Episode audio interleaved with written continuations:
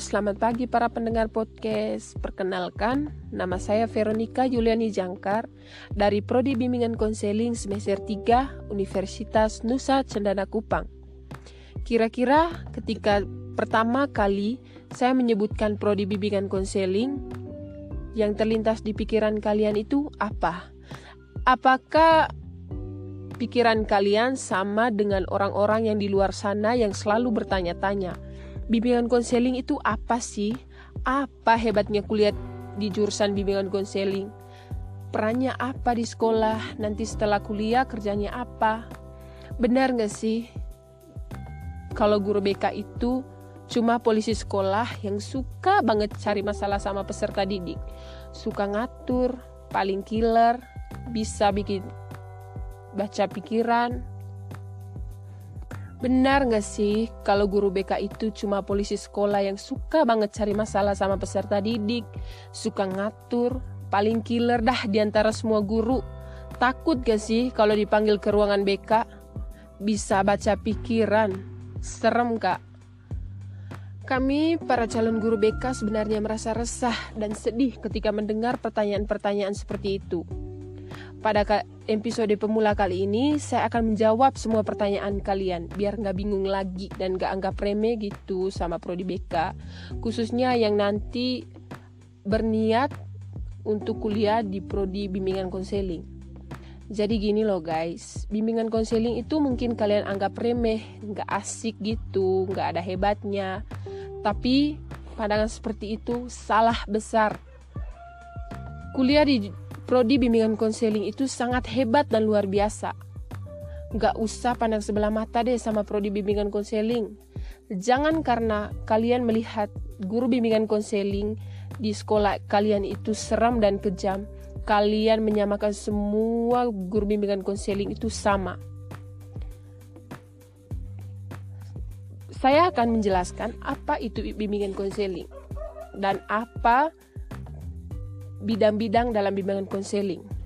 Jadi, bimbingan konseling merupakan proses pemberian bantuan yang dilakukan melalui wawancara konseling face-to-face oleh seorang ahli kepada individu yang sedang mengalami masalah yang bermuara pada teratasinya masalah yang dihadapi oleh konseli serta dapat memanfaatkan berbagai potensi yang dimiliki dan sarana yang ada sehingga individu atau kelompok individu itu dapat memahami dirinya sendiri untuk mencapai perkembangan yang optimal, mandiri, serta dapat merencanakan masa depan yang lebih baik untuk mencapai kesejahteraan hidup.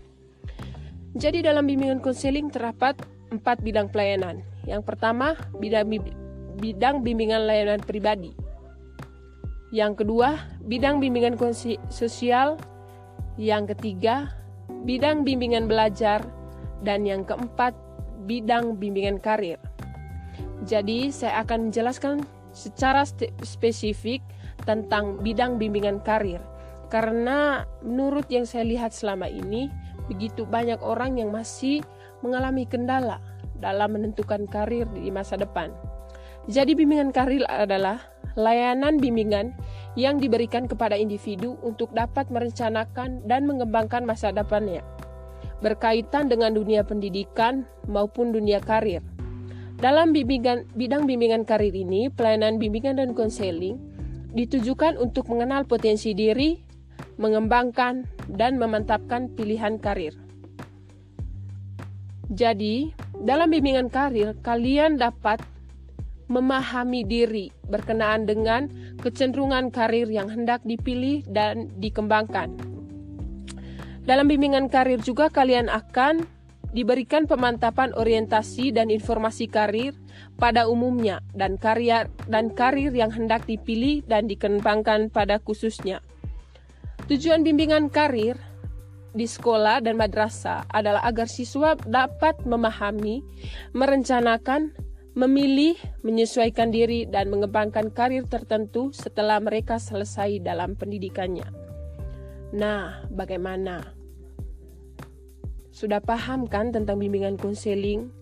Asik loh belajar bimbingan konseling. Sebagai agen perubahan, mari kita bersama-sama mengubah berbagai stigma negatif tentang bimbingan konseling. terutama stigma negatif tentang guru BK. Dengan belajar BK, kalian juga bisa belajar memahami dan menerima diri. Belajar memaknai arti kehidupan bukan hanya sesuatu yang disukai dan disenangi. Bahkan dalam bimbingan konseli, kalian kalian akan diajarkan bagaimana memaknai penderitaan ataupun kematian yang harus kalian pak maknai.